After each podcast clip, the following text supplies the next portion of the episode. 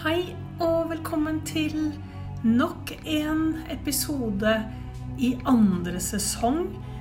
Episode to i Hanne Kristin Rodes uhøytidelige podkast om hverdagslivet. Uhøytidelig skal det være. Men i dag er jeg litt opprørt. Og det er jeg på vegne av så uendelig mange kvinner i hele verden.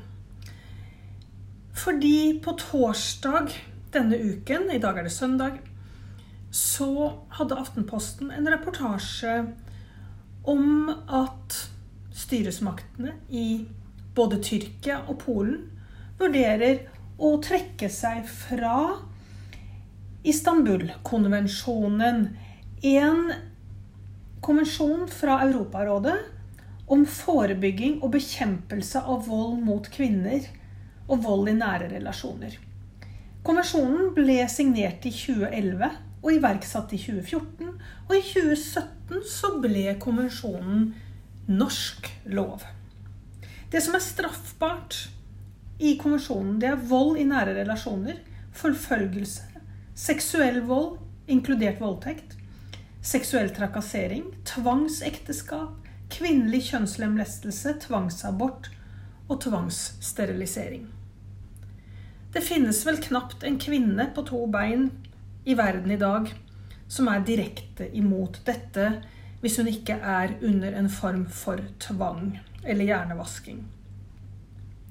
Men det Aftenposten skrev da, det var at så mye som 3000 277 kvinner er drept i Tyrkia siden 2010 av ektemenn, venner eller ekskjærester, eksektemenn. I juli i år, altså i 2020, så ble 36 kvinner drept i Tyrkia.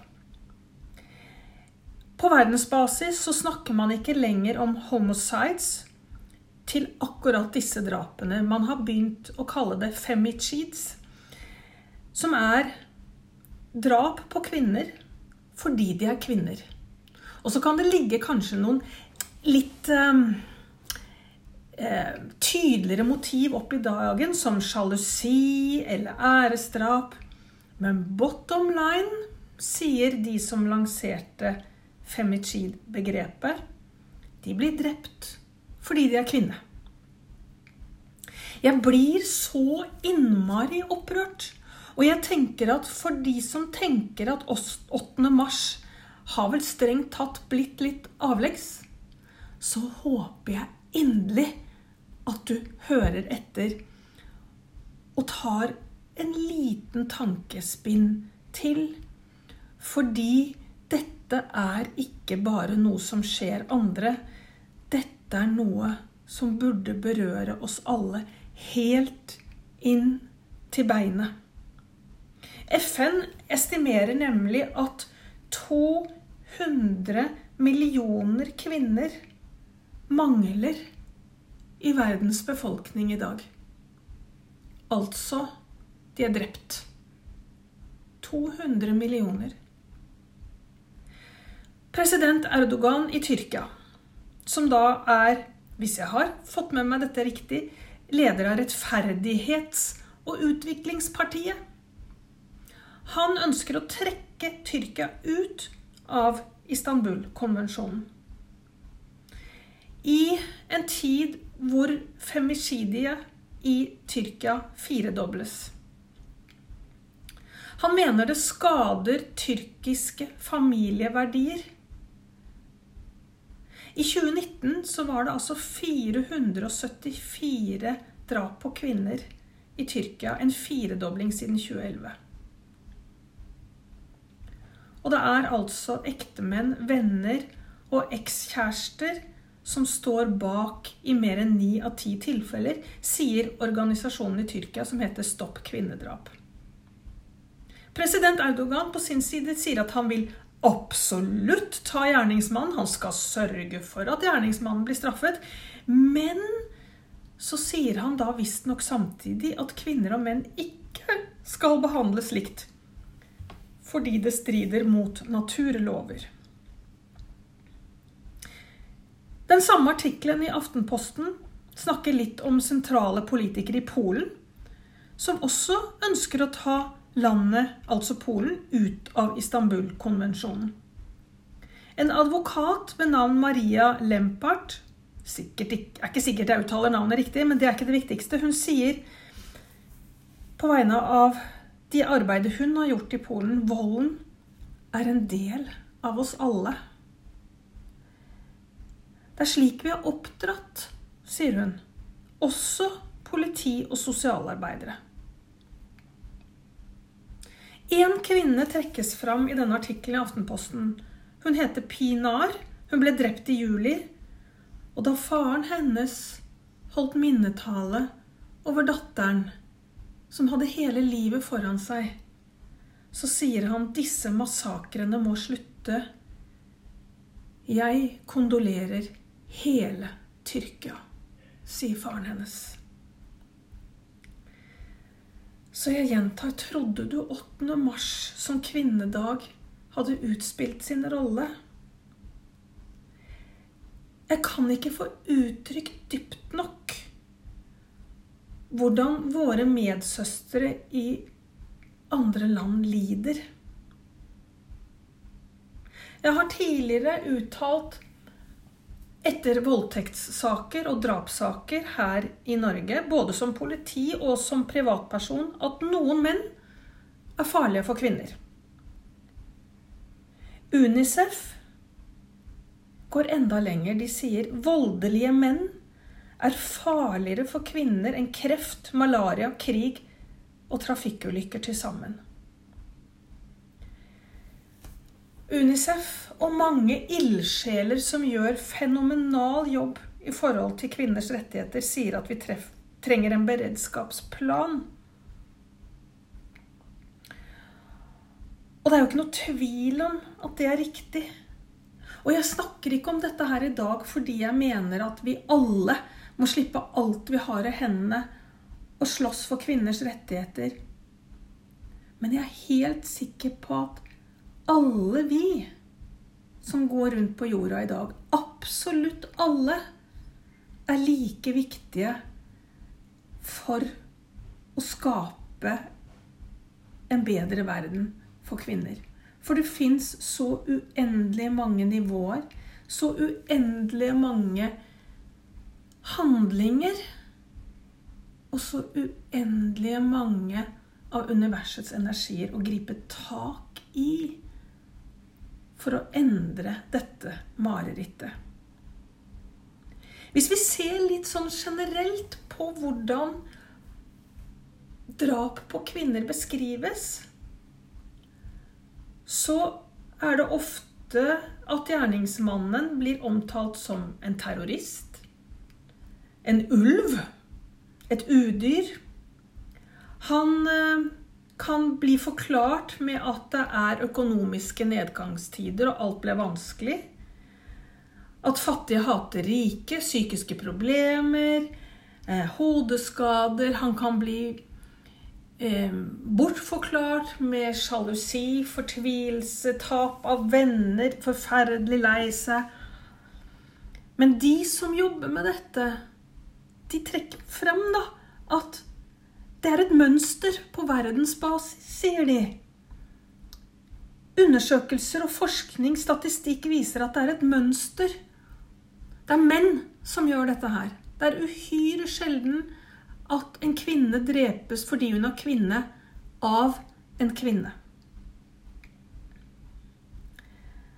Ingen av oss kan løse denne floken alene. Vi trenger masse forskning, vi trenger statistikk, vi trenger oppfølging. Vi trenger å få dette frem i dagen. Men jeg tenker at akkurat nå så er vi midt inne i en pandemi. En helseutfordring med covid-19. Veldig mange av oss sitter hjemme. Veldig mange er i isolasjon. Noen er i karantene. Og noen av oss er hjemme fordi arbeidssituasjonen er endret. Og da vet vi samtidig at også i Norge så lider kvinner under vold fordi det å være mer hjemme betyr mer vold og frustrasjon. Så jeg ønsker at jeg greier å følge bedre med. Tenk om en kvinne i morgen bare ved et lite blikk ber meg om hjelp. Fanger jeg det opp, tenker jeg. For hvis jeg ikke husker feil, så er det rundt sånn åtte-ni kvinner som drepes av eksmann årlig i Norge. Ta akkurat det tallet med en klype salt, men én er én for mye. Det er det viktigste. Når vi blir født, så er det ingen, tror jeg, som fødes onde. Det skjer noe underveis. Det er kultur, det er oppdragelse, det er erfaring. Men et drap er et valg. Jeg er helt sikker på at alle blir født med en helt ren sjel. Vi er alle født med en sjelstype, en soul type. Et punkt på kroppen hvor vi lever fra. Og der er det rent. Der er det ikke tanken som bærer visdommen, men sjelen. Og hvis vi lytter også til den, så kan vi kanskje ekspandere innsikt, muligheter, balanse, harmoni, relasjon til andre og til oss selv på et så dypt plan at følelsene blir nøytrale. Og kanskje er det da mulig å skape en bevegelse fremover. Nå hører jeg at jeg prater meg bort, men det er jo fordi det temaet jeg tar opp, og som jeg hisset meg opp over, og som jeg ble fortvilet over, er så svært. Og det er sånn at nesten uansett hvordan jeg snur og vender på det, så tenker jeg Går an å endre dette? Men svaret mitt er ja. Jeg er helt sikkert, og det er takket være helt andre enn meg.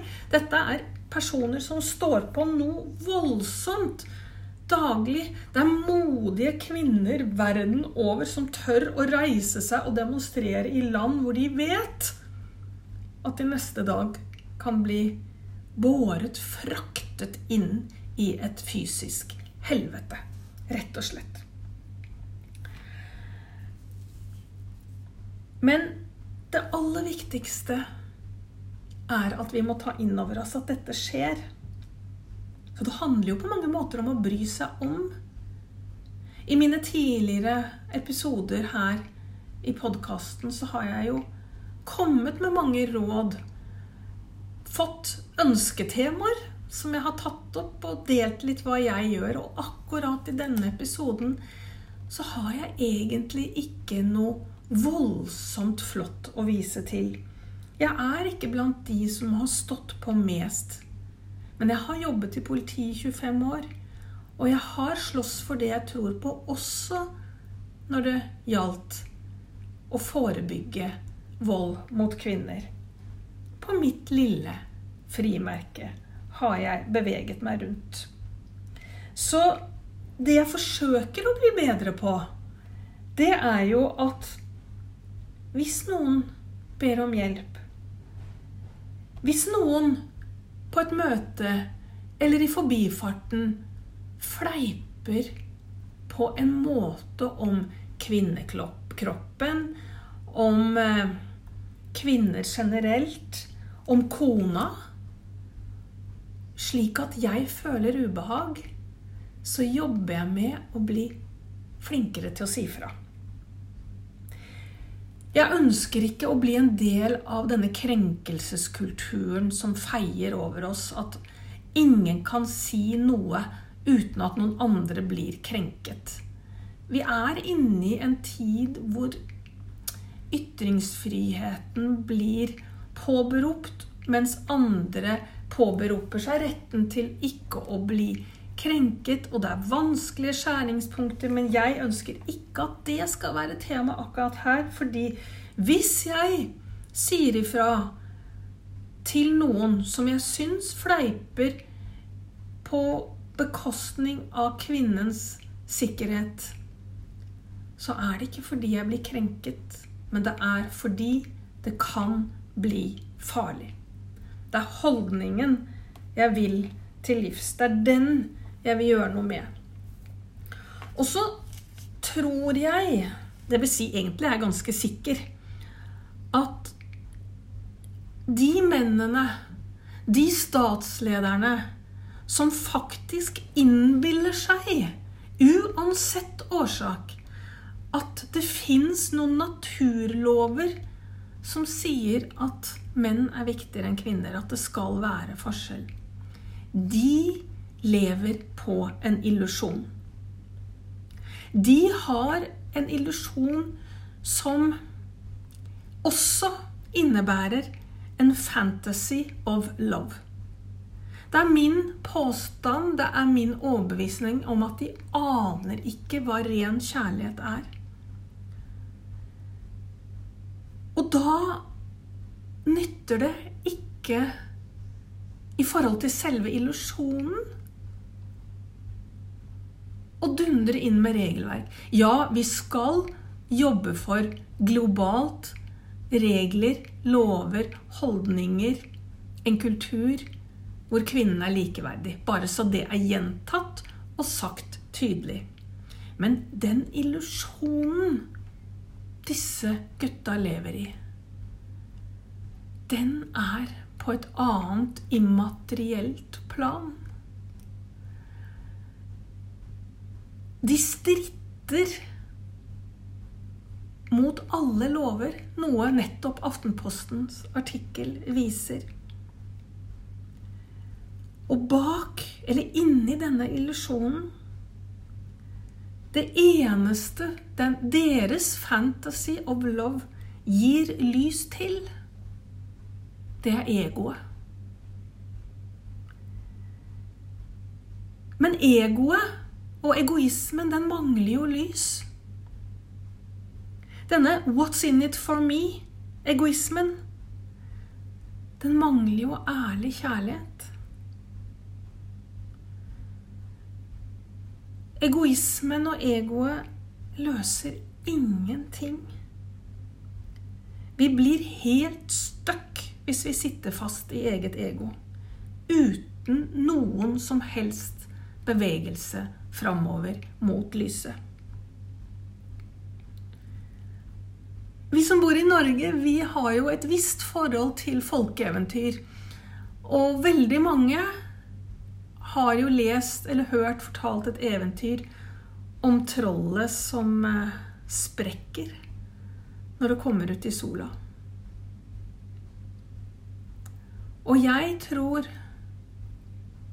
Egentlig har jeg lyst til å si 'jeg vet', men jeg greier ikke å dokumentere det på en måte som gjør det forståelig akkurat nå, kjenner jeg. Men la oss si det slik at i dag så har jeg lyst til å sende lys til alle mine medsøstre i hele verden som er drept.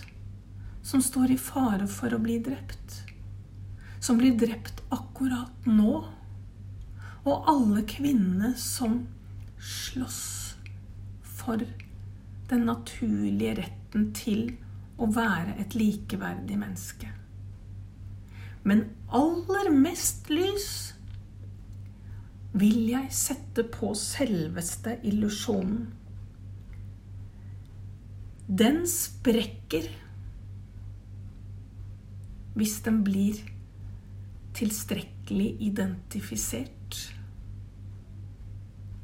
Så kanskje er det mulig å angripe disse forskrudde holdningene, denne egoismen fra mange nok sider. Jeg har ikke noe svar. Men jeg vet at du, som faktisk har tatt deg tid til å lytte Du er like viktig i denne kampen for kvinners rettigheter som de som står fremst i frontlinja. Og det aller første og det eneste vi trenger å gjøre sånn helt i starten, det er å erkjenne at dette skjer hele tiden. Og ved å være oppmerksom i nærmiljøet, for det er her vi lever livet vårt, på det som blir sagt, på det som blir gjort, på den som stille eller skrikende ber om hjelp, så kan vi alle bety en forskjell.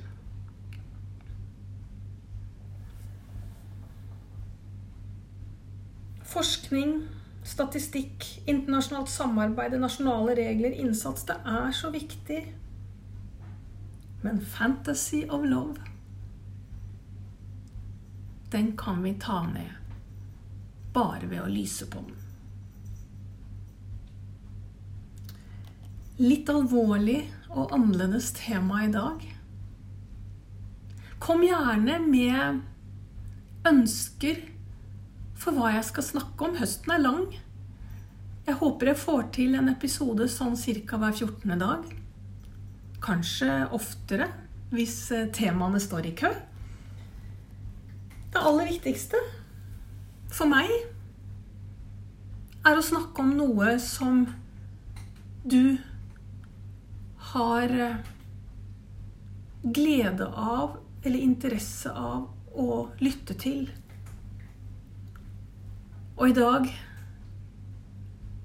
dundret jeg ut fra meg selv fordi jeg ennå ikke har kommet helt over